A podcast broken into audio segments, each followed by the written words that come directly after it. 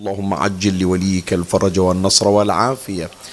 وانصره نصرا عزيزا وافتح له فتحا يسيرا وهب له من لدنك سلطانا نصيرا. رب اشرح لي صدري ويسر لي أمري واحلل عقدة من لساني يفقه قولي. يا كاشف الكرب عن وجه أخيه الحسين. اكشف كربي بجاه أخيك الحسين نادي عليا مظهر العجائب. تجده عونا لك في النوائب. كل هم وغم سينجلي بولايتك يا علي. يا علي يا علي يا أبا الغوث أغثني. يا فارس الحجاز أدركني بلطفك الخفي ولا تهلكني. يا مولاتي يا, مول يا مولاتي يا فاطمة بنت محمد أغيثيني يا سيدتي دخل صلى الله عليك يا سيدي ويا مولاي يا رسول الله. صلى الله عليك وعلى آلك الطاهرين.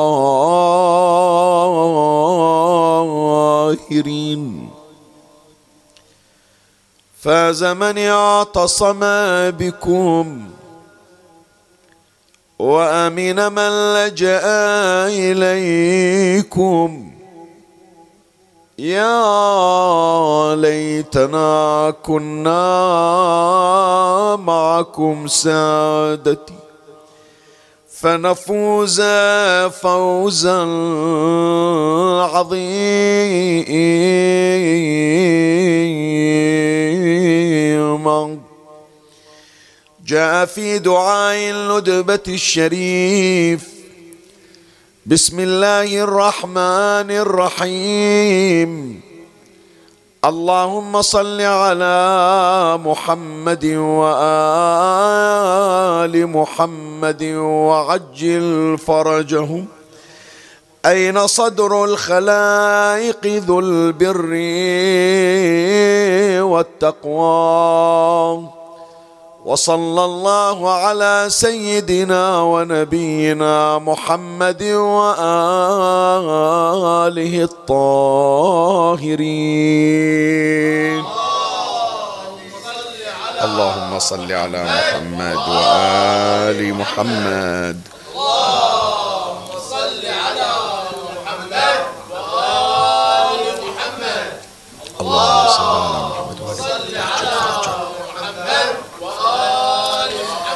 من الأوصاف التي وصف بها إمامنا الحجة بن الحسن عجل الله فرجه الشريف والتي سجلها ووثقها دعاء دعاء الندبة له لقب ووصف وتسمية صدر الخلائق. أين صدر الخلائق؟ يعني أين الإمام المهدي المعروف والمسمى والموصوف بصدر الخلائق من ألقابه ومن مهامه أنه صدر الخلائق. من اجوا العلماء يشرحون دعاء الندبة؟ ووقفوا عند هذه العبارة عند عبارة صدر الخلائق. اجوا إلى مفاد الكلمة. يعني شنو صدر الخلائق؟ إحنا أصلا نسأل يعني هذا مجلسنا حتى نعرف معنى صدر الخلائق ما هو. حتى العلماء يا إخواني حتى العلماء في الشرح ما اجوا إلى, جي إلى شيء محدد وجاهز بحيث أنهم يبتدئون بشرحه. الكلمة هذه تحمل أكثر من معنى. الخلائق تفيد أكثر من مفاد وتؤدي إلى أكثر من معنى. فما هو المراد من عبارة الخلائق؟ وإذا فسرنا الخلائق بتفسير من التفسيرات فما هو صدرها حتى يقولون صدر الخلائق؟ فخلوا أكثر من معنى وحطوا أكثر من شرح إلى هذه الكلمة المكونة من مفردتين صدر الخلائق. إحنا في هذه السلسلة الفرعية المتفرعة من سلسلتنا الأم سلسلة مفاهيم دعاء الندبة. عندنا هذه السلسلة الفرعية اللي هي مكونة من خمس حلقات نتحدث فيها عن مسميات الإمام الحجة عجل الله فرجه الشريف في دعاء الندبة. ذكرنا بقية الله ذكرنا وجه الله وإجينا الليلة إلى هذه التسمية. تسمية صدر الخلائق. البارحة حكينا عن طالب الذحول الليلة الحلقة الرابعة بعنوان صدر الخلائق. راح إن شاء الله نتوقف عندها ونأتي بشرحين وتفسيرين ومعنيين ذكرهما العلماء. فبحث هذه الليلة بعنوان صدر الخلائق والبحث مكون من فصلين اثنين سوف أمر عليهما تباعا إن شاء الله. ومن الله أستمد العون والتوفيق ومن مولاي أبي الفضل العباس المدد ومنكم ألتمس الدعاء وثلاثا باعلى الأصوات صلوا على محمد وآل محمد. اللهم صل على محمد وآل محمد.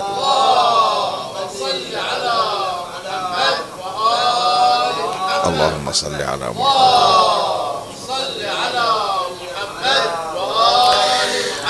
مولاي الكريم أنت حيثما كنت اسمعني وفرغ لي قلبك وأعرني سمعك وأقبل علي بكلك.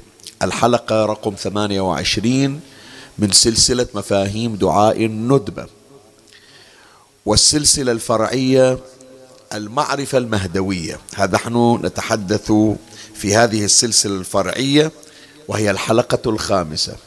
ومن هذه السلسلة الفرعية هناك سلسلة بعنوان الأوصاف المهدوية. تحدثنا في ثلاث ليال مضت حول بعض من ألقاب الإمام وهذا هو اللقب والوصف والتسمية الرابعة. وعنوان بحث هذه الليلة صدر الخلائق. البحث مكون من فصلين. أولا معنى صدر الخلائق ما هو؟ هو فصل نتحدث عن معنى وفصل آخر عن معنى ثاني. حسب التفسيرات التي ذكرها العلماء. أما المعنى الأول الذي هو في الفصل الأول يقولون بأن صدر الخلائق هو المتصدر إلى كل خلائق الله تبارك وتعالى. صدر الخلائق مأخوذ من المتصدر. زين شنو صدر الخلائق أو المتصدر؟ متصدر يعني شنو؟ والخلائق يعني شنو؟ من نشرح هالعبارتين راح نقدر نفكك هذه التسمية ونوصل إلى أسرارها. أولا الصدر عند اللغة أو عند علماء اللغة هو مقدمة, مقدمة الشيء. حتى من تقول هذا صدر يتأشر عليه. يضرب على صدره يعني على مقدمة بدنه على مقدمة جسمه وكل شيء له صدر. المجلس هذا تشوفه له صدر. البيت أول ما تدخل مدخل البيت يقولون صدر البيت. الكتاب أول ما تفتحها يقولون صدر الكتاب. القصيدة أول ما تقراها يقولون صدر القصيدة. بيت الشعر إلى بداية وإلى نهاية صدر يسمونه وعجز. صدر البيت يعني الشق الأول عجز البيت يعني الشق الثاني. فكل شيء له مقدم يسمونه صدر صدر الشيء.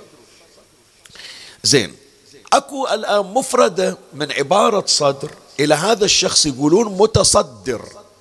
متصدر يعني شنو؟ ما دام قلنا الصدر هو مقدم الشيء فالمتصدر يعني المتقدم في الشيء.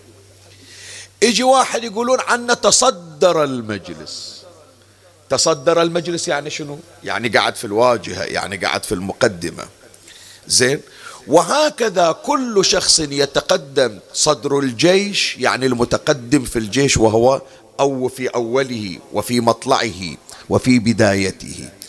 حتى عبارة يا إخواني متصدر المجلس إجت إلى تفسيرات. مرة يقولون فلان تصدر المجلس يعني شنو؟ يعني قعد في المقدمة. ومرة يقولون متصدر إلى هذا الأمر يعني شنو؟ يعني أخذ مسؤولية هذا الأمر. فعادة إلا بالوجه وبالمقدمة وفي الصدر هناك مسؤولية. شو اللي يفرق يا جماعة؟ صدر المجلس عن آخر المجلس عن زاوية المجلس عن جانب المجلس. المواجهة دائما شوف حتى في الخلقة يقولون هذا ليش الوجه هو أهم الأعضاء؟ يوم كان النطق ويوم كان التعبير ويوم كانت المعرفة محتاج إليها الإنسان صار تعبير الإنسان بلسان اللسان مو بالكف ولا بالركبة ولا أسفل الرجل. صار في وين؟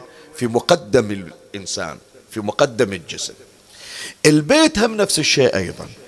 لما يجي واحد يقصدني لما يجي واحد يتعناني لا يوقف بالمجلس بالديوانية بالبراني ويتحير أكلم منه. من يجي يعرف الرمز والشخص الذي يقوم بشؤون الناس عادة يجلسون في أفضل مكان في وجه البيت في مقدمة المجلس. ليش؟ حتى الذي يجيء إليه يعرف هذا المكان ما يقعد فيه إلا واحد على أهبة الاستعداد لتلبية حوائج الناس. فأنا أروح أسأل حجي أنت راعي البيت؟ ترى أنا جاي لك في حاجة. ليش قصد مباشرة؟ لأنه يعرف أن هالمكان ما يقعدون به أي أحد. فلهذا يا إخواني صدر المجالس هذه فائدة سريعة. لا نتصور بأنه الكرسي حال حال بقية الكراسي. لا. الموقع إلى أهمية. وصدر المجلس عادة راح يحمل مسؤوليات من المسؤوليات أن المتكلم في هذا المكان ينبع عن الحضور.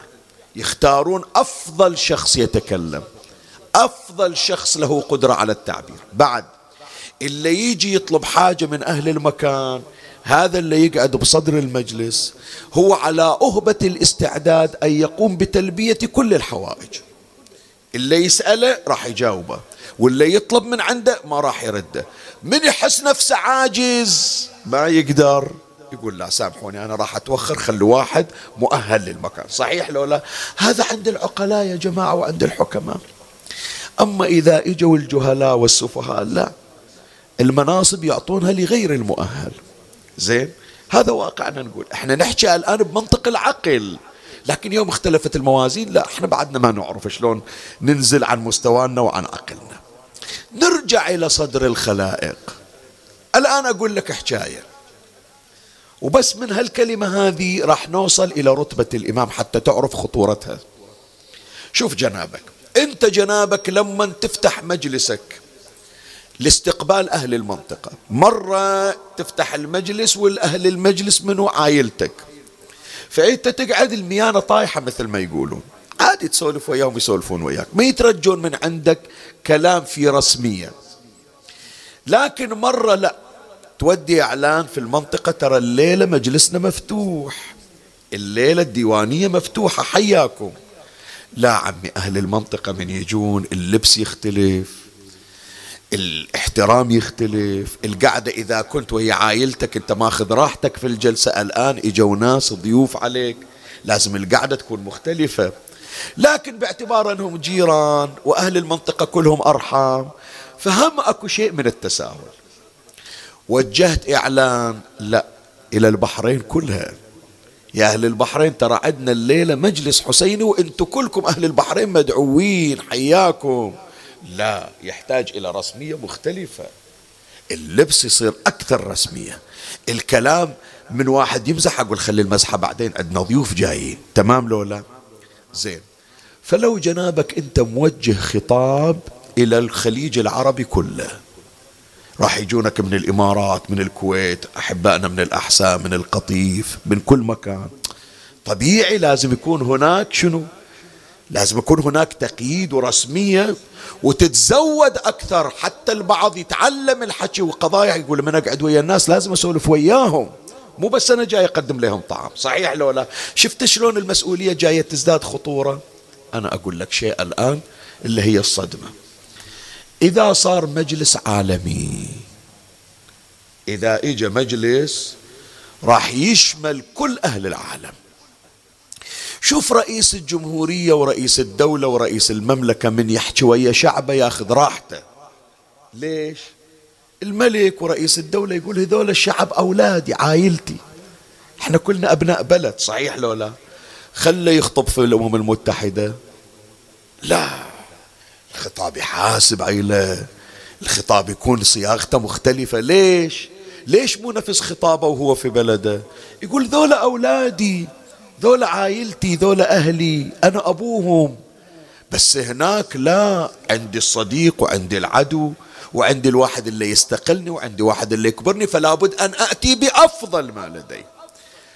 لحد الآن واضحة القضية شلون؟ عرفنا شلون تصير المجالس كل ما زاد حضورها المتصدر لها لابد أن يكون أكثر أهمية. زين نجي لصاحب الزمان. عجل الله فرجه الشريف. الآن بنفسر صدر الخلائق. إحنا عرفنا صدر المجلس عرفنا صدر الحسينية عرفنا صدر المسجد. تمام لولا؟ الآن الإمام يسميه الدعاء صدر الخلائق. الخلائق شنو؟ شوي فكر فيها. ثلاث ثواني فكر فيها قبل لا تجاوب. الخلائق شنو؟ يعني اللي موجودين البشر يقولون صدر الخلق. ما يقولون صدر الخلائق. من يقولون صدر الخلق يعني كل البشر تمام لولا ليش عبر عنا الدعاء بصدر الخلائق؟ إيه جينا الآن. اولا يا إخواني الخلائق من البشر مو بس اللي موجودين أحياء. الأموات راح يرجعون. الأموات هم راح يرجعون. فإذا مو خلق واحد مال عشرين ثلاثة وعشرين سنة الظهور إن شاء الله لا. حتى اللي ماتوا قبل خمسة آلاف سنة راح يرجعوا. اللهم إن حال بيني وبينه الموت الذي جعلته على عبادك حتما مقضيا فأخرجني من وين؟ من قبري مؤتزرا كفني. فإذا مو خلق واحد في عام واحد أو في عصر واحد بل خلائق في عصور متفاوتة. بعد الجن مثل ما قال راح يجوا لجميع الخلائق الإمام. بعد الملائكة راح تجوا جبرائيل راح يحضر الملائكة راح تيجي. تمام؟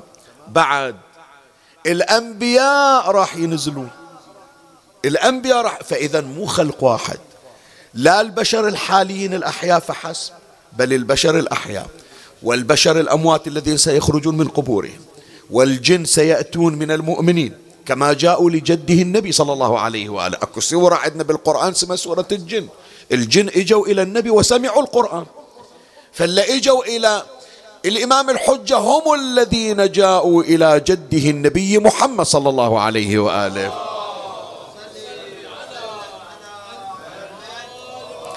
زين الملائكة راح يجون سادة الملائكة راح يجون الأنبياء راح يجون.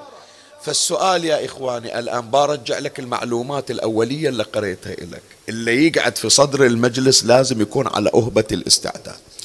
عنده مخزون مخزون معرفي مخزون كرم مخزون إيماني مخزون وقار بحيث يكون مؤهل لأهم موقع. المكان الأهم لا يجلس فيه إلا الأهم. ما يصير مكان دوني تخلي فيه واحد مهم ولا مكان مهم تخلي فيه واحد دوني حاشاكم زين. فإذا علمنا بأن آخر الزمان هو أخطر عصر وأخطر موضع. صدر الخلائق اللي يجي. منو مؤهل لهذا المنصب؟ منو مؤهل أنه يحكي؟ مو بس ويا البشر يكلم البشر ويقود البشر. لا. يحكي ويا الأحياء ويا الأموات. يحكي ويا الأنبياء يحكي ويا الملائكة يحكي ويا الجن. يقول له جبرائيل صير وراي يا جبرائيل أنا قدامك وأنت وراي. منو يقدر يسويها؟ اليوم جيب لي أكبر مرجع ديني. مرجع ديني يصدر فتاوى إلى العالم بأسره. يوجه خطاب إلى العالم باسم الشيعة. مو تمام؟ قل له المرجع الديني هذا جبرائيل نزل قل له جبرائيل صير وراي وأنا قدامك. يقدر يسويها؟ لا والله وين؟ ما أقدر أسويها. لكن لا يصنعها ولا يقوم بها إلا صاحب الأمر قائم آل بيت محمد صلوات الله عليه. خل نقرأ الرواية. الرواية مو بس الشيعة يذكرونها الشيعة والسنة. يذكرها ابن عساكر في كتابه كتابه مصدر مهم تاريخ مدينة دمشق. جدا كتاب مهم وقيم. كتاب تاريخي وروائي أيضا. في تاريخ مدينة دمشق الجزء 47 صفحة 500 واحد. يقول رسول الله صلى الله عليه وآله لا تزال أمتي ظاهرين على الحق حتى ينزل حط بالك للرواية حتى ينزل عيسى بن مريم. فيقول إمامهم يعني صاحب الزمان شايف عيسى نبي نازل من السماء كم سنة غايب؟ فوق الألفين سنة. والآن نازل فمن باب الاحترام الإمام يقول لعيسى ابن مريم تقدم. فيقول إمامهم تقدم. فيقول عيسى ابن مريم فيقول أنتم أحق. بعضكم أمراء بعض. يعني أنا ما أتقدم على آل محمد. بعضكم أمراء بعض أمر أكرم الله به هذه الأمة. هذه يا إخواني أكثر من فائدة نحصل فيها. واحدة من الفوائد هي أخلاق صاحب الزمان عجل الله فرجه الشريف. هي من أخلاق إن شاء الله راح يجينا في المطلب الثاني في الفصل الثاني. أكو هناك بند نتحدث فيه عن أخلاق صاحب الزمان عجل الله فرجه الشريف. إحنا هاي الليالي ليالي مهدوية بامتياز. راح نذكر أخلاق الإمام. هذا ما بيمدينا نذكره بس أنا جايب لنا الآن في بداية المجلس. هي من أخلاقه التواضع ونكران الذات. العالم ينتظره. فوق الألف سنة ينتظرونه. وجبرائيل ينادي باسمه ويصيح باسمه. وتاليها من تواضعه. عيسى ابن مريم من جي. من يجي؟ يقول له ما يصير. انت نبي. انت روح الله. وانت نازل من السماء. تقدم. شوف شوف الجمال شلون. فلهذا يا إخواني شوية إثارة سريعة يعني. إثارة سريعة. ترى علماءنا وخطبائنا سايرين على خطى صاحب الزمان على الأخلاق المهدوية. تشايف هذه الآن العادة ما أقول راحت لا. موجودة لكن قلت عن السابق. الخطيب من يجي ويجي خطيب وهو يقرأ. من باب الاحترام ومن باب الذوق ومن باب التقدير شي يقول له؟ يقول له تفضلوا. هو ذاك لا راح يجي يقرأ. وهذا ما نقول ما راح ينزل. لا فعلا مجد يكون ينزل. ليش؟ ترى هي أخلاق صاحب الزمان. البعض يجي يوجه انتقاد يقول إحنا متفقين وياك لو متفقين وياه إحنا مرتبين ويا منو القراءة؟ وياها لو نريده كان رسلنا إلى تعال اقرأ. إحنا قلنا لك أنت تجي تقرأ. ليش تقول له تعال اقرأ؟ اي ما يخالف. هذا النقد اللي توجهه للخطيب أو لرجل الدين وجهه لصاحب الزمان. أنت إمام العصر والصلاة لك وجبرائيل نادى باسمك مو باسم عيسى ابن مريم. ليش تقول لعيسى ابن مريم تقدم؟ ليش؟ سؤال أسأل. بس هو يا إخواني رونق الإمام جمال الإمام بآدابه.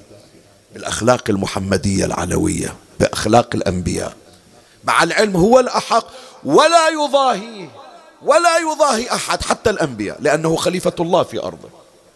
أصلا لو يريد عيسى بن مريم يتقدم لا حدك. كان نزلناك أنت من قبل بدال بدال المهدي. لكن هو من باب الأدب يا إخواني. هي واحدة من الإثارات. الثانية من الإثارات عيسى ابن مريم صاحب الرسالة صاحب المعاجز يعرف حده ما يتقدم.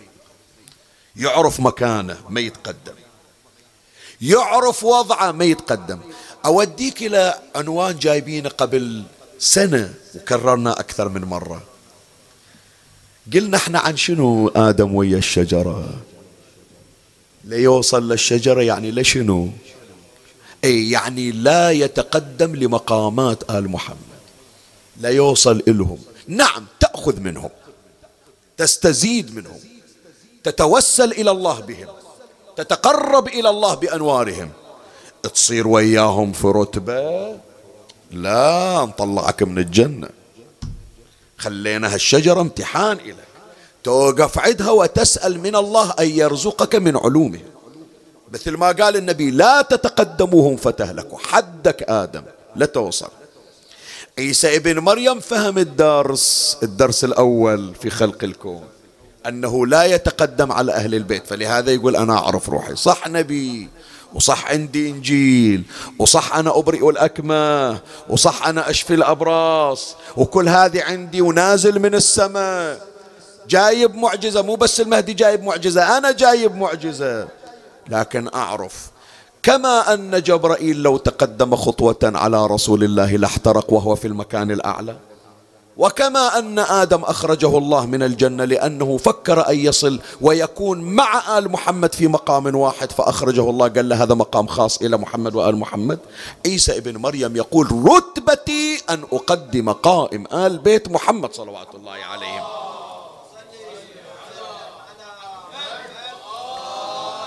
فلهذا يقول أنتم أحق وبالجمع ما قال أنت أحق. يقول أعرف أهل البيت أحق منا.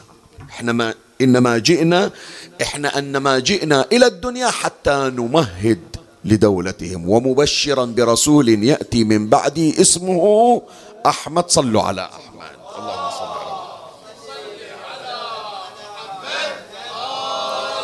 فإذا عرفنا إخواني صدر الخلائق يعني شنو؟ يعني هو المتقدم على كل شخص وكل فرد خلقه الله. نبي وصي نبي بشر حي ورجاء ميت عفوا ورجاء ملك نزل المقدم عليه المتزعم له المتصدر له منه هو؟ صاحب الزمان عجل الله فرجه الشريف لهذا تخاطبه في دعاء الندبة أين صدر الخلائق الذي ذو البر والتقوى؟ طيب سهلة هذه المهمة يا جماعة؟ سؤال أسأل. سهلة؟ أنا لما أقول لواحد استلم المجلس الليلة وإنت استقبل الناس وإنت دير المجلس دير بالك على الخطيب دير بالك على الضيوف دير بالك على المجلس دير بالك من A to Z من أوله إلى آخره أنت المسؤول. سهلة المهمة؟ مي سهلة. زين إمامنا لما يأتي ليكون صدر الخلائق سهلة القضية؟ شو تقولون؟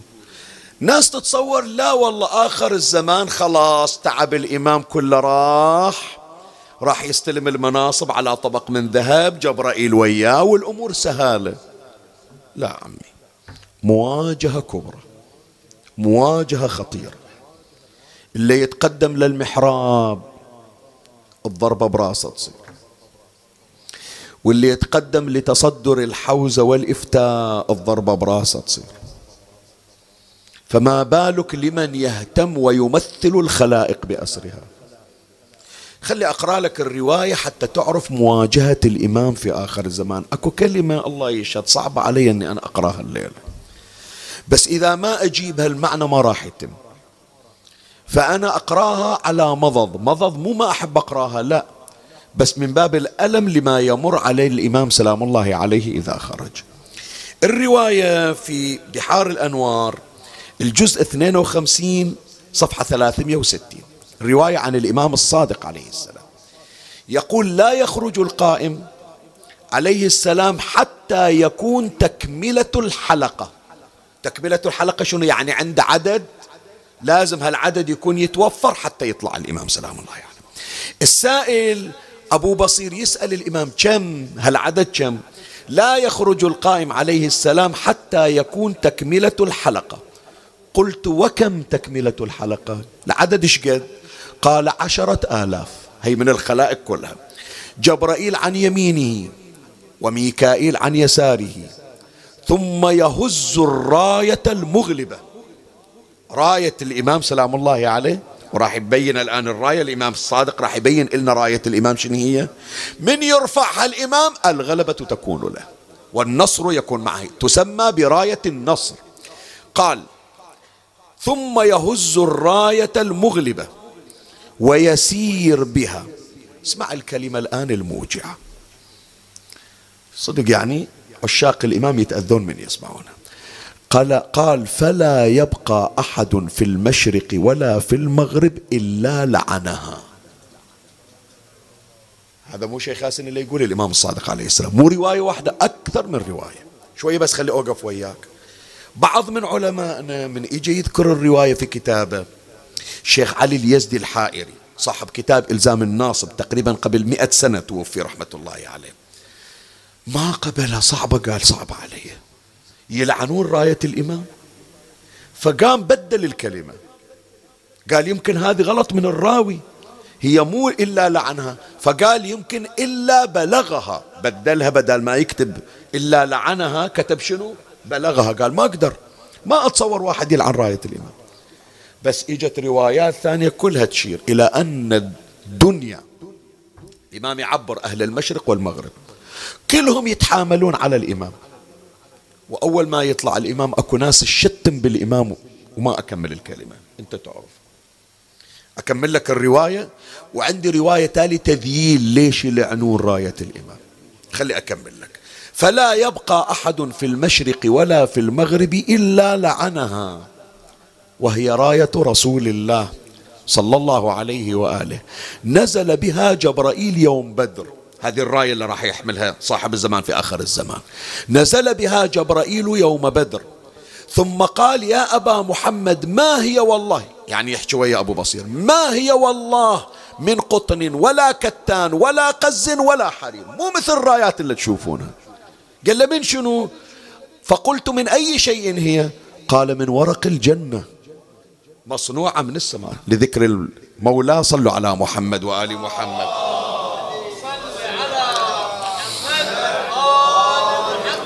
قال من ور إنما قال من ورق الجنة نشرها رسول الله صلى الله عليه وآله يوم بدر. بس معركة واحدة طلعها النبي. تدري لو لا معارك النبي تقريبا 27 معركة طلعها مرة واحدة بس بدر يعني أحد ما طلعها النبي. ليش ما طلعها؟ لأن هي الراية ما تفتح إلا والنصر معها. فلو فتحها النبي يوم أحد ما ينكسر الجيش.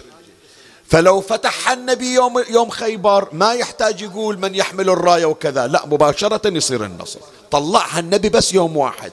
وعقب يوم بدر لفها. راح تجينا الرواية الآن.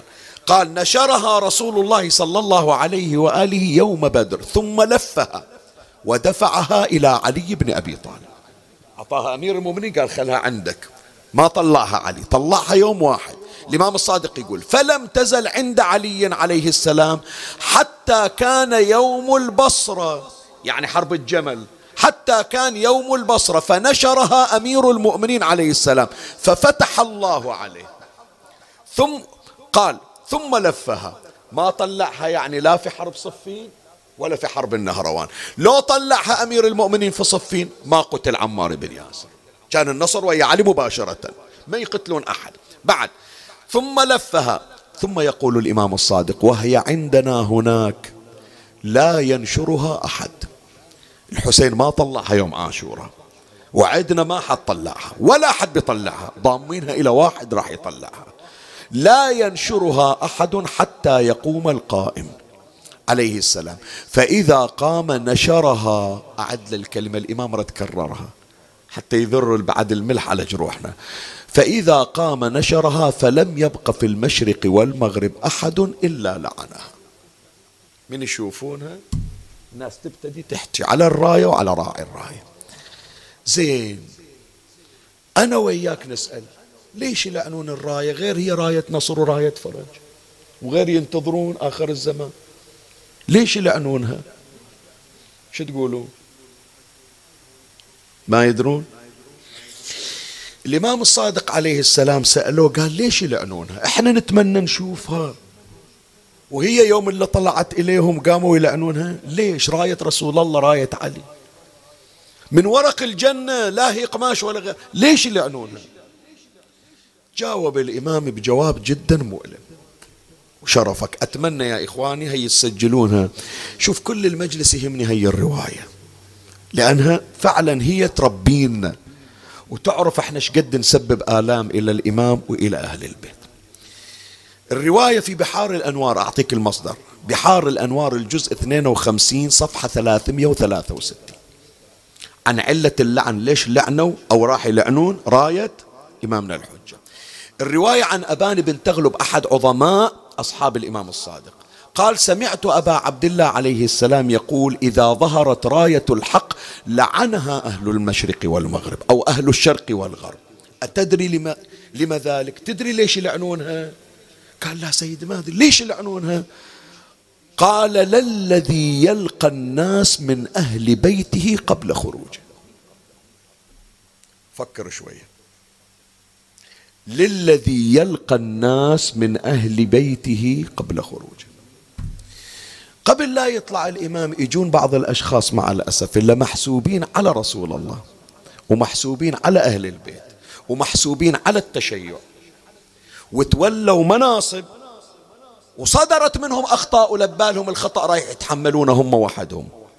اسمعني إيش أقول لك؟ ركز بعبارتي. ما يدرون بأن أخطائهم راح ترجع على الطائفة وترجع على التشيع وترجع على الدين. وأقول لك بعد اللي يدعي بأنه سيكون في آخر الزمان ناصر لصاحب الزمان صار سبب للعنة راية الإمام هو. تطلع الراية يشوفون المظهر منو هذا؟ يقولون واحد من أولاد رسول الله. أوه هذول اللي باقوا فلوسنا؟ هذول اللي لعبوا بينا؟ هذول اللي استغلوا الدين؟ هذول اللي ادعوا بأنهم من من أقرباء رسول الله ومن أهل بيته. لا حفظوا حرمة النبي ولا حفظوا حرمة أهل البيت ولا حفظوا حرمة الحوزة ولا حفظوا حرمة أموال أهل البيت ولا حفظوا حرمات الآخرين. وباسم الدين لعبوا على أهل على الناس. بعد دين ما نريد. اليوم مع الأسف أنا أقول لك أكو هناك أزمة ثقة. ليش نغطيها؟ صحيح لو لا يا إخوان ومن بلد إلى بلد متفاوتة أكو بعض البلدان متعقلة تقول هذا خطأ منا نفس الدين ما يمثله هذا يمثل نفسه ويمثل شهواته ويمثل مصلحته هو بس بعض من أولادنا يا إخواني إلا بعد ما انطبخ إلا بعد ما تغذى تغذية صحيحة إلا بعد ما ربى وفتح عينه على مجالس تغذيه وعلى. وعلى مساجد تربيه فتح عينه في بلد البلد فقير معرفيا ويوم اللي اصطدم من ناس كان يظن فيهم أنهم رموز إجت الضربة من دون الرموز. أنا ما أتكلم عن شخص بتحديد لا. أنا أتكلم بصورة عامة الإمام يتكلم عن هالظاهرة ويقول بأن ذولا خطرهم مو بس الآن. الآن شنو؟ شكم باق شكم مستغل شنو من سلوكيات خاطئة سواها؟ هذه احسبها في الدفتر ترى بتطلع آخر الزمان يجمعونها. يقول لك كلهم أهل الدين هكذا. كلهم المنتمين إلى أهل البيت هي تصرفاتهم حشا أهل البيت. ومن يطلع؟ واحد يقول أنا من أهل البيت وهو الإمام يقول أوه هذا من نفس ديلاك اللي طلعوا. ما نريدكم. خلنا ناخذ العلمانيين خلنا نروح للليبراليين خلنا نروح للملحدين خلنا نروح لأي واحد ينفعنا ولا نروح إلى المتدينين. إيش حصلنا من المتدينين؟ بس إحنا عندنا أمل يا إخواني. لو خليت خربت. طلعوا لنا أشخاص يا إخواني لا يفكرون إلا في الصالح العام. طلعوا لنا أشخاص ما فكروا إلا في إقامة مذهب أهل البيت وخدمة الناس. طلعوا من الدنيا ما عندهم شيء. واحد منهم راح أخبرك تتعجب. ما أجيب لك الآن حتى من هالعصور. لا. عندنا واحد من عظمائنا شيخ مرتضى الأنصاري. رحمة الله عليه. سامع عنا شيخ مرتضى الأنصاري لولا من تدخل حرم أمير المؤمنين سلام الله عليه أول ما تدخل على أمير المؤمنين باب الصحن مدفون عند الباب على عتبة أمير المؤمنين. شيخ مرتضى الأنصاري. شيخ مرتضى الأنصاري صاحب كتاب المكاسب المحرمة. شيخ مرتضى الأنصاري صاحب الرسائل رسائل الأصول. مراجعنا اللي موجودين الآن ما وصل أحد منهم إلى المرجعية إلا بعد أن قرأ كتب الشيخ مرتضى الأنصاري. تدري هذا اللي تسمع عنه شيخ مرتضى الأنصاري؟ ظلت جنازته إلى آخر يوم يومين ما عندهم كفن إلى قيمة كفن ما عندهم وداعتك يعني. قيمة كفن ما عندهم. إجوا يريدون يغسلونه. وين كفن الشيخ؟ قال الشيخ ما عنده فلوس يشتري كفن. ما عنده حتى فلوس إلى واحد يشيله يوديه القبر. جاء واحد من أهل الخير قال أنا من صوبي أتبرع فلوس إلى شيخ مرتضى. تصور؟ هذا شيخ مرتضى الأنصاري اللي تسمع عنه. اللي يغذي الطائفة يعطي الفقراء. مرته تطلق يوم من الأيام. وصارت في حالة متعسرة. لا هي اللي تجيب توضع ولا هي اللي مرتاحة. وكل ساعة تحس بأن روحها راح تطلع. ليش ما أكو واحدة تساعدها؟ القابلة الداية تاخذ درهمين. درهمين ما عنده يروح يجيب داية تولد زوجته. راح دق الباب على الداية مرتي معودة راح أجيب لك. قالت أول جيب الدرهمين تالي أجي كل واحد إجا قشمرني قال بعدين أجيب ما جاب. روح لين جبت الدرهمين تالي أجي راح استجار وقف عند ضريح أمير المؤمنين. قال أبو حسين دخيلك سيدي. لو تسهل عليها لو تسأل الله ياخذ روحها وأرتاح. الفلوس عندي أنا فلوس الحقوق الشرعية. درهم واحد ما أخذ منه. مو الدرهمين للداية. درهم خلها تموت وخلي لها بطنها يموت. ما أبدي حياة ولدي من أموال مو شرعية. عمي هكذا هم. إي نعم هكذا هم. علماؤنا اللي تسمع عنهم هكذا كانوا على هذا الخطى. سيد الصدر رضوان الله عليه الصدر الثاني سيد محمد محمد صادق الصدر. يوم اجى بعد أن أطلق عليه الرصاص. ترى مرتين تعرض للاغتيال. تدري لولا سيد الصدر ترى في حادثة الاغتيال وياه أولاده ابنه رمى نفسه عليه حتى يقي أباه الرصاص بجسم ابنه. فبقى بالسيارة أصيب بالرصاص لكن بعد على قيد الحياة. أطلق عليه الرصاص مرة ثانية. إلى أن قتل. صفي. جابوا للمستشفى. من إجوا ذولا جلاوزة البعث؟ جوراب السيد سيد محمد صادق. مخروم ما ماخذ له جوراب جديد. ليش؟ يقول ما عندي فلوس أشتري جوراب. إيش قد كم سعر الجوراب يا جماعة؟ قال ما عندي عندي فلوس للفقراء. شلون أنا أروح أخذ أموال الناس وأشتري بها ملابس جديدة؟ هي هذه الصاية مالته ما غيرها. هي هذه عمامته ما غيرها. إلى أن استشهد بها. ذاك عيره يقول باوعوا. هذا اللي يريد يصلح العراق ما يقدر يصلح جورابه. قال له واحد ما قلت بأنه فلوس العراق كلها تيجي عنده ما اشترى بيها جوراب إلى روحه. فعمي موجود بس أنا أقول لك أنا أقول لك الحليب اسمعني إيش أقول لك حتى أتجاوز هذا. الحليب بسطل. الحليب عقب ما يحلبون يخلونه بسطل. تمام لو لا؟ قطرة خل. روبت السطل كله. صحيح لو لا؟ ما يقرون الناس قصة شيخ مرتضى الأنصاري. ما يقرون الناس قصة السيد الإمام الخميني. ما يقرون الناس زهد السيد السيستاني إلى الآن قاعد في بيت أجار. ما يقرون الناس السيد محمد صادق الصدر إلى أن فارق الحياة. ما يقرون الناس سائر المراجع إلا إلى الآن؟ لا. يدورون واحد إجا لزق نفسه بخطهم وادعاها زورا حتى يستنفع من وراها. عمموها على الكل. فهذول خليه يسمعون. اللي يجي يقفز على الدين ولا يجي يستغل الدين ولا يتاجر باسم الدين ولا يخدع الناس باسم الدين ولا يقدم نزواته وغرايزه على أمر الدين. ترى مو أنت تضر الموجودين لا أبدا. ضررك راح يطلع متى صاحب الزمان. تخيل كم سبة راح تجي على الإمام أنت وراها. تخيل كم شتمة راح تيجي على الإمام أنت المتسبب. ما أقولها تصعب علي والله ينقص لساني وما أقولها بس مرت علينا الروايات وشفت. الإمام الصادق يقول مع الأسف تأذينا من وراهم. محسوبين علينا وعوض أن يكونوا عونا لنا صاروا عونا علينا. فإذا صدر الخلائق تقدم أنه المتصدر لأمور الخلائق. جعلنا الله وإياكم ممن نقر عين إمامنا بصلاحنا.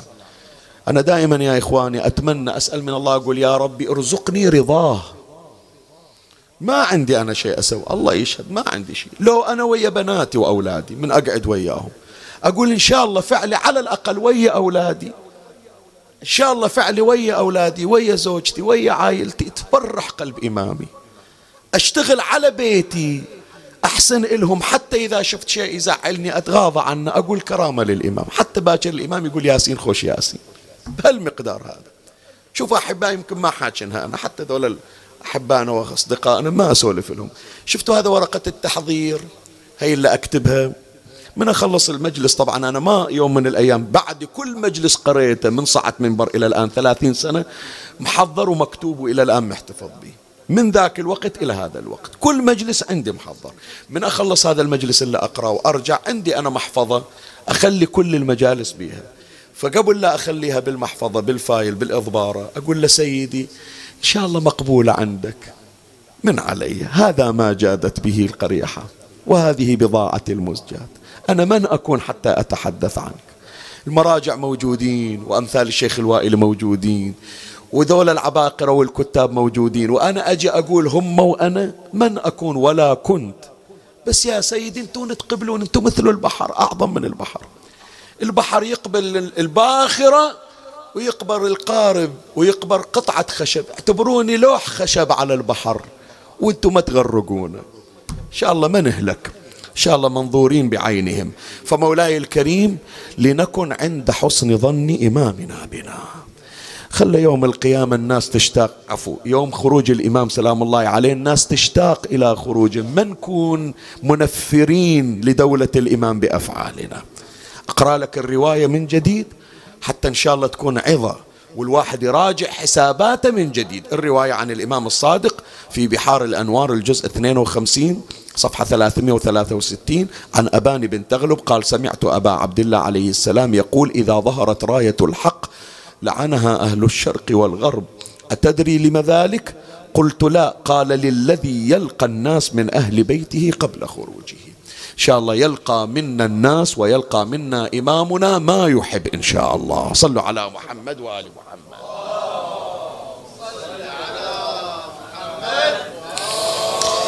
الفصل الثاني وهو ختام المجلس. معنى صدر الخلائق شنو؟ هناك بينا الخلائق بمعنى الخلق التفسير الثاني الخلائق. جمع مفردها خليقة والخليقة السجية والأخلاق. خلائق يعني أخلاق. فلهذا زهير بن أبي سلمة معروف الشاعر الجاهلي يقول ومهما تكن عند امرئ من خليقة يعني من خلق وإن خالها تخفى على الناس تعلمي. الأخلاق يا إخواني قد ما جمع الناس أخلاق آخر الزمان يأتي صاحب الزمان. فيجمع أخلاق الأولين والآخرين. أخلاق الأنبياء أخلاق الأوصياء. لا نراها إلا عند سيد الأخلاق ووارث الأخلاق المحمدية قائم آل بيت محمد صلوات الله عليه.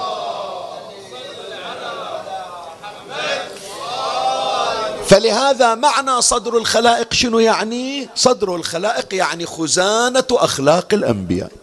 خزانة أخلاق الأولين والآخرين. الحديث عن الإمام الباقر عليه السلام في بحار الأنوار الجزء 52 صفحة 305 قال الإمام الباقر عليه السلام والقائم يومئذ بمكة عند الكعبة مستجيرا بها يقول أنا ولي الله أنا هي يحتاج من عندك إلى صلوات بها أنا أولى بالله وبمحمد صلى الله عليه وآله.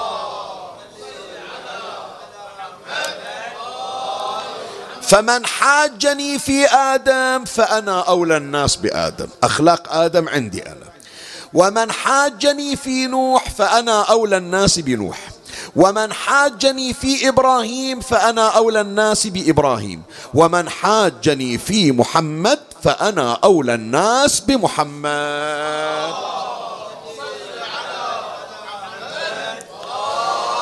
ومن حاجني في النبيين فأنا أولى الناس بالنبيين. إن الله تعالى يقول إن الله اصطفى آدم ونوحا وآل إبراهيم وآل عمران على العالمين. ذرية بعضها من بعض والله سميع عليم. فأنا بقية آدم. شوف شو يقول الإمام. أنا بقية آدم. وخيرة نوح ومصطفى إبراهيم وصفوة محمد.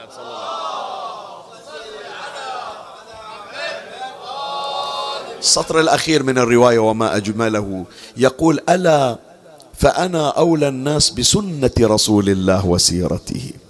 وأنشد الله من سمع كلامي لما يبلغ الشاهد والغائب.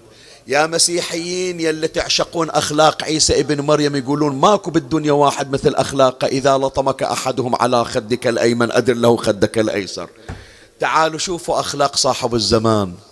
رجع عليكم أخلاق عيسى وأخلاق الأنبياء وأخلاق الأوصياء ولن تجدوا أخلاقا وفضائل كأخلاقه وفضائله. فهو خزانة أخلاق الأولين والآخرين. سريعا الآن راح نشير إلى بعض من أخلاق الإمام سلام الله عليه. يعني. وهذا ترى مطلب صعب أنه يتلاقى. مو أقول لك أنه أنا مبتكر أنه مخترع أنا من أكون. بس أنا أقول لك ليش صعب؟ لما تجي تقرأ في أخلاق النبي صلى الله عليه وآله النبي عنده سيرة مدونة عاش بين الناس ونظروا إلى أخلاقه لما تجي إلى أخلاق أمير المؤمنين إلى أخلاق الحسين إلى أخلاق الإمام الكاظم إلى أخلاق أهل البيت صلوات الله عليهم عاشوا في أوساط الناس والناس سجلوا أخلاقهم صح لو لا؟ حتى لما واحد تعرفه خلوق لأنك عشت وياه سميته خلوق بس عمي الإمام من إجا هو مغيب. خمس سنين حابسنا أبوه بسرداب ما يطلع. خايف عليه يقتل. طفولته قضاها في سرداب أسفل الأرض. أول ما طلع برا البيت طلع لجنازة يشيع جنازة أبوه. تخيل يعني شوف هالمعاناة. ومن وراء ما دفن أبوه خلى أمه في البيت ومشى عنها. أمه اعتقلت تم اعتقالها. وإلى الآن لم يرى الإمام إلا الخواص الذين شرفهم الله برؤيته. فعمي تدور لي كتاب يتحدث عن أخلاق الإمام المهدي هو منو عاش ويا الإمام حتى يسجل أخلاقه؟ صحيح لو لا؟ هذا مو مثل النبي مو مثل أمير المؤمنين مو مثل أهل البيت عاشوا الناس وياه مغيب.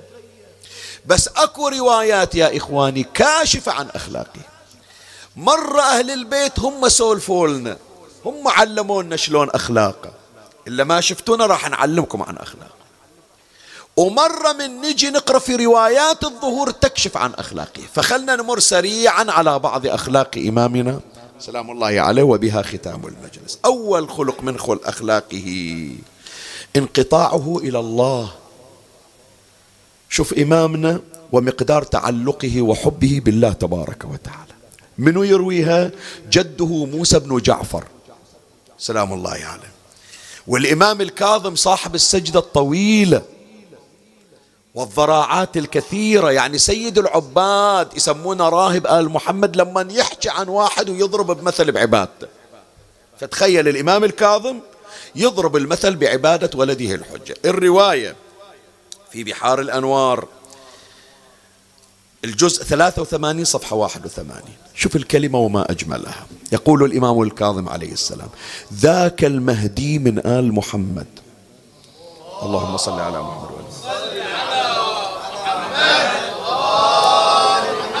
أسمع يعتوره مع سمرته صفرة.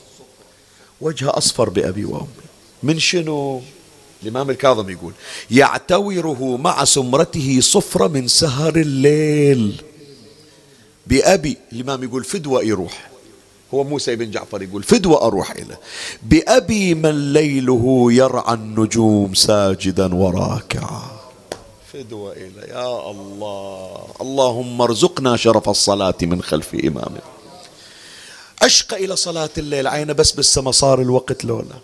الليل قضي بالمناجاة هذا إمامنا الحجة وهذا تهجده وهذه عبادته. بعد من أخلاقه.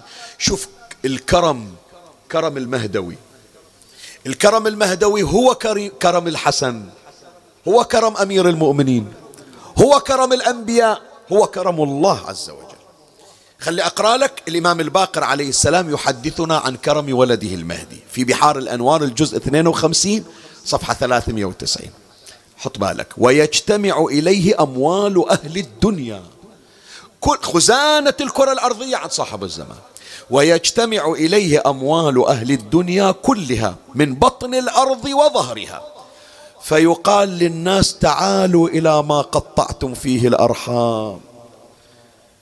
متعاركين على عشر دنانير. تعالوا خذوا وتصالحوا.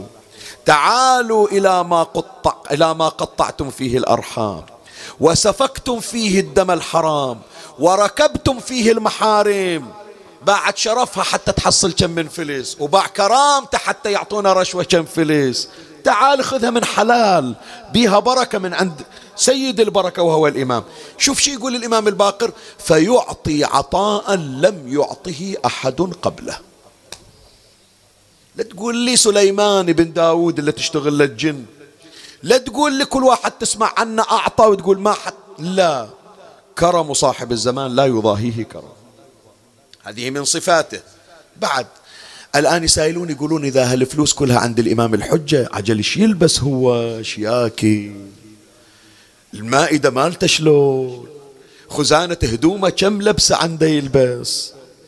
تعال شوف زهد إمامنا.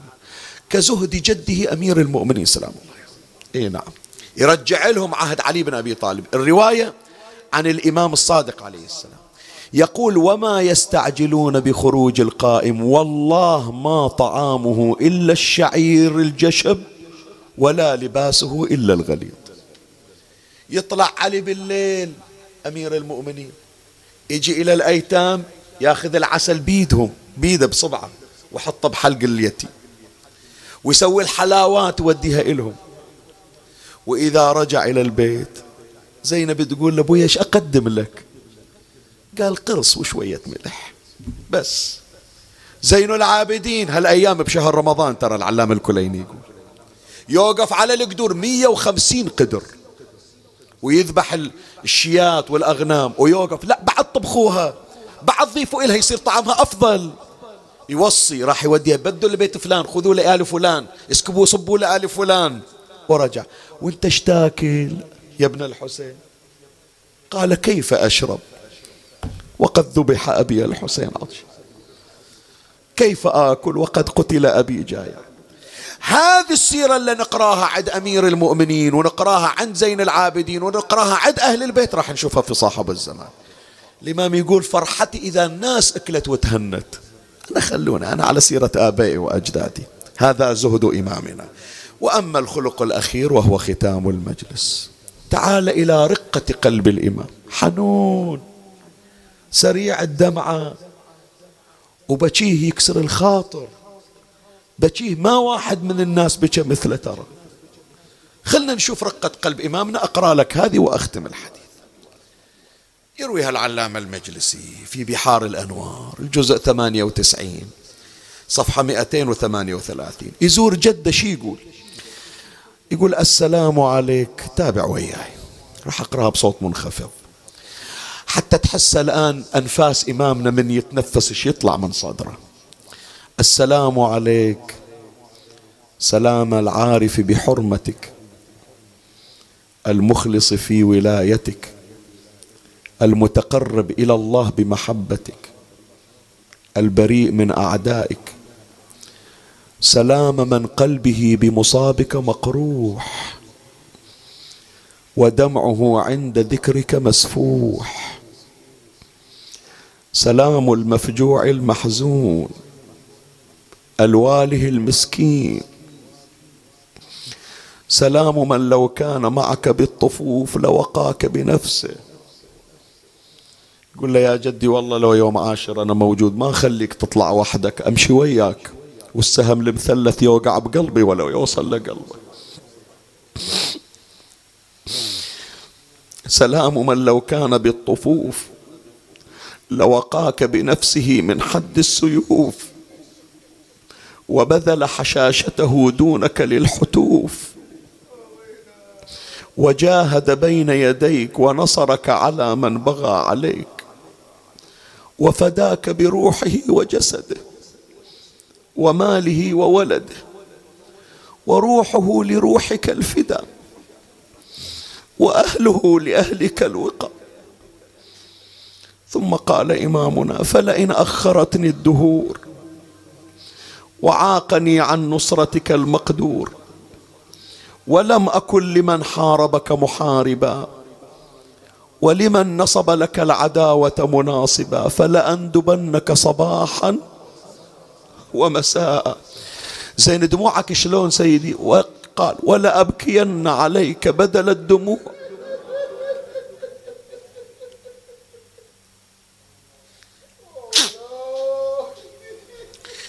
عمي من تغمض عينك وتتصور إمامك شوف شلون عينه مجرحة. شلون شوف شلون جفونه حمراء.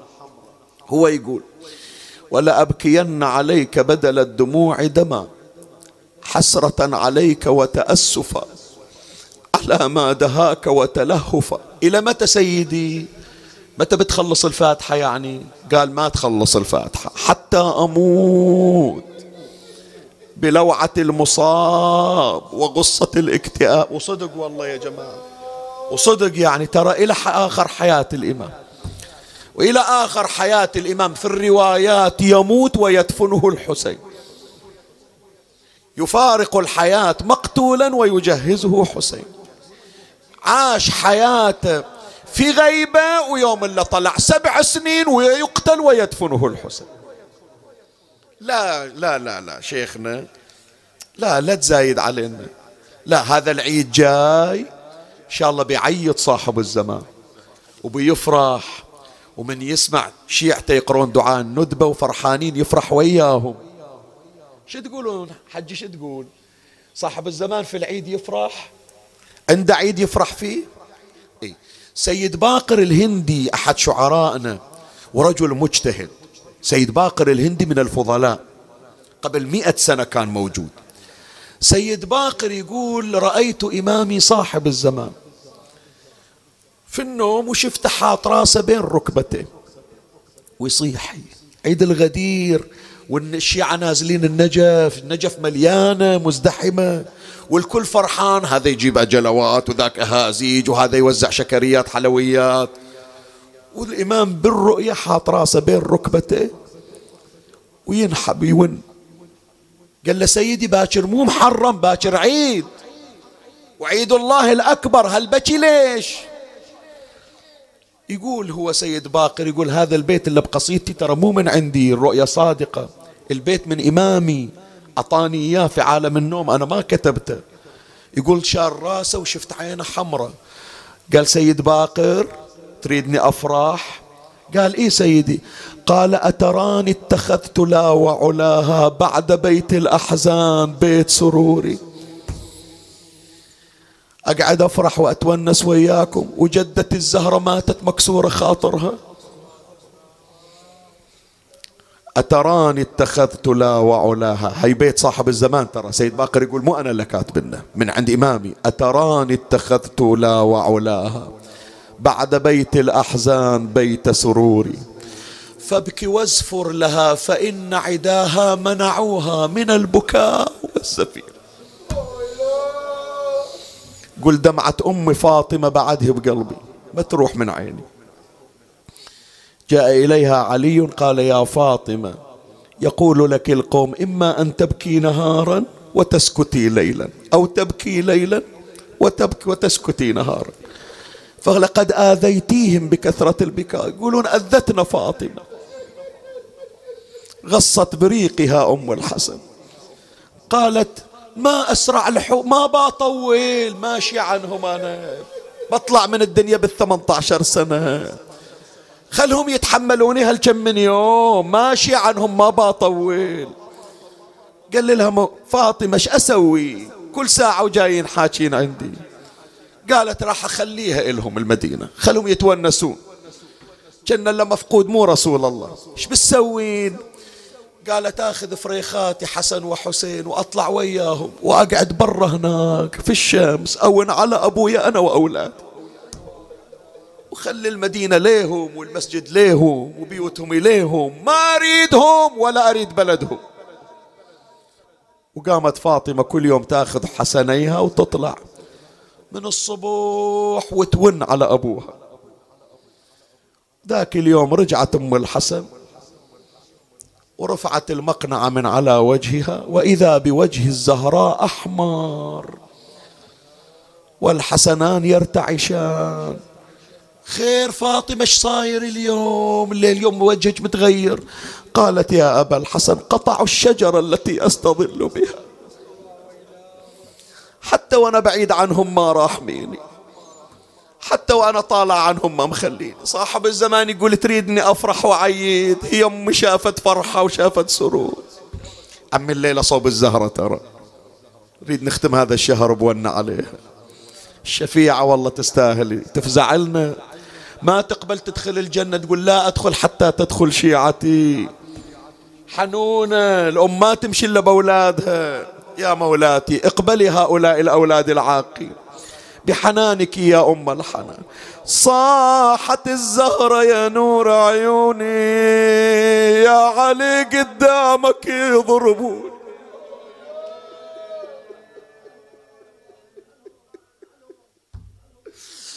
يا علي يا علي.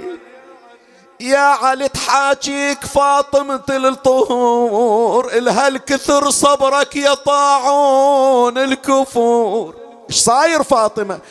تدري المسمار شثر بالصدور اكسروا ضلعي لمن عصرون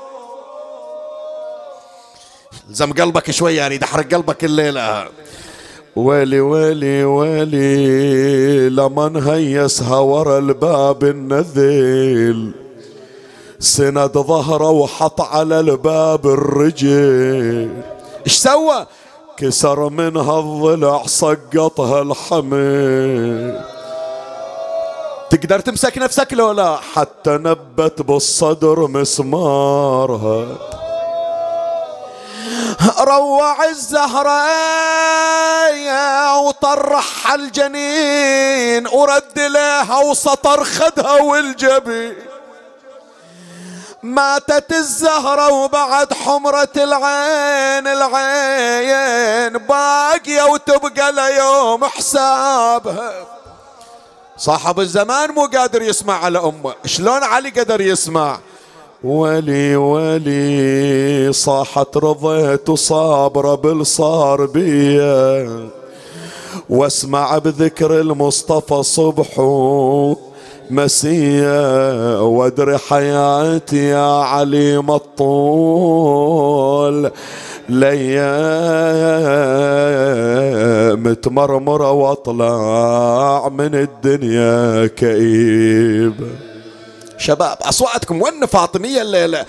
ما سكن غيظة وانثنت ست النساوي ولزمت بديها ويل قلب الحسن وحسين صاحت يا حيدر تسكن الخاطر الصبطة.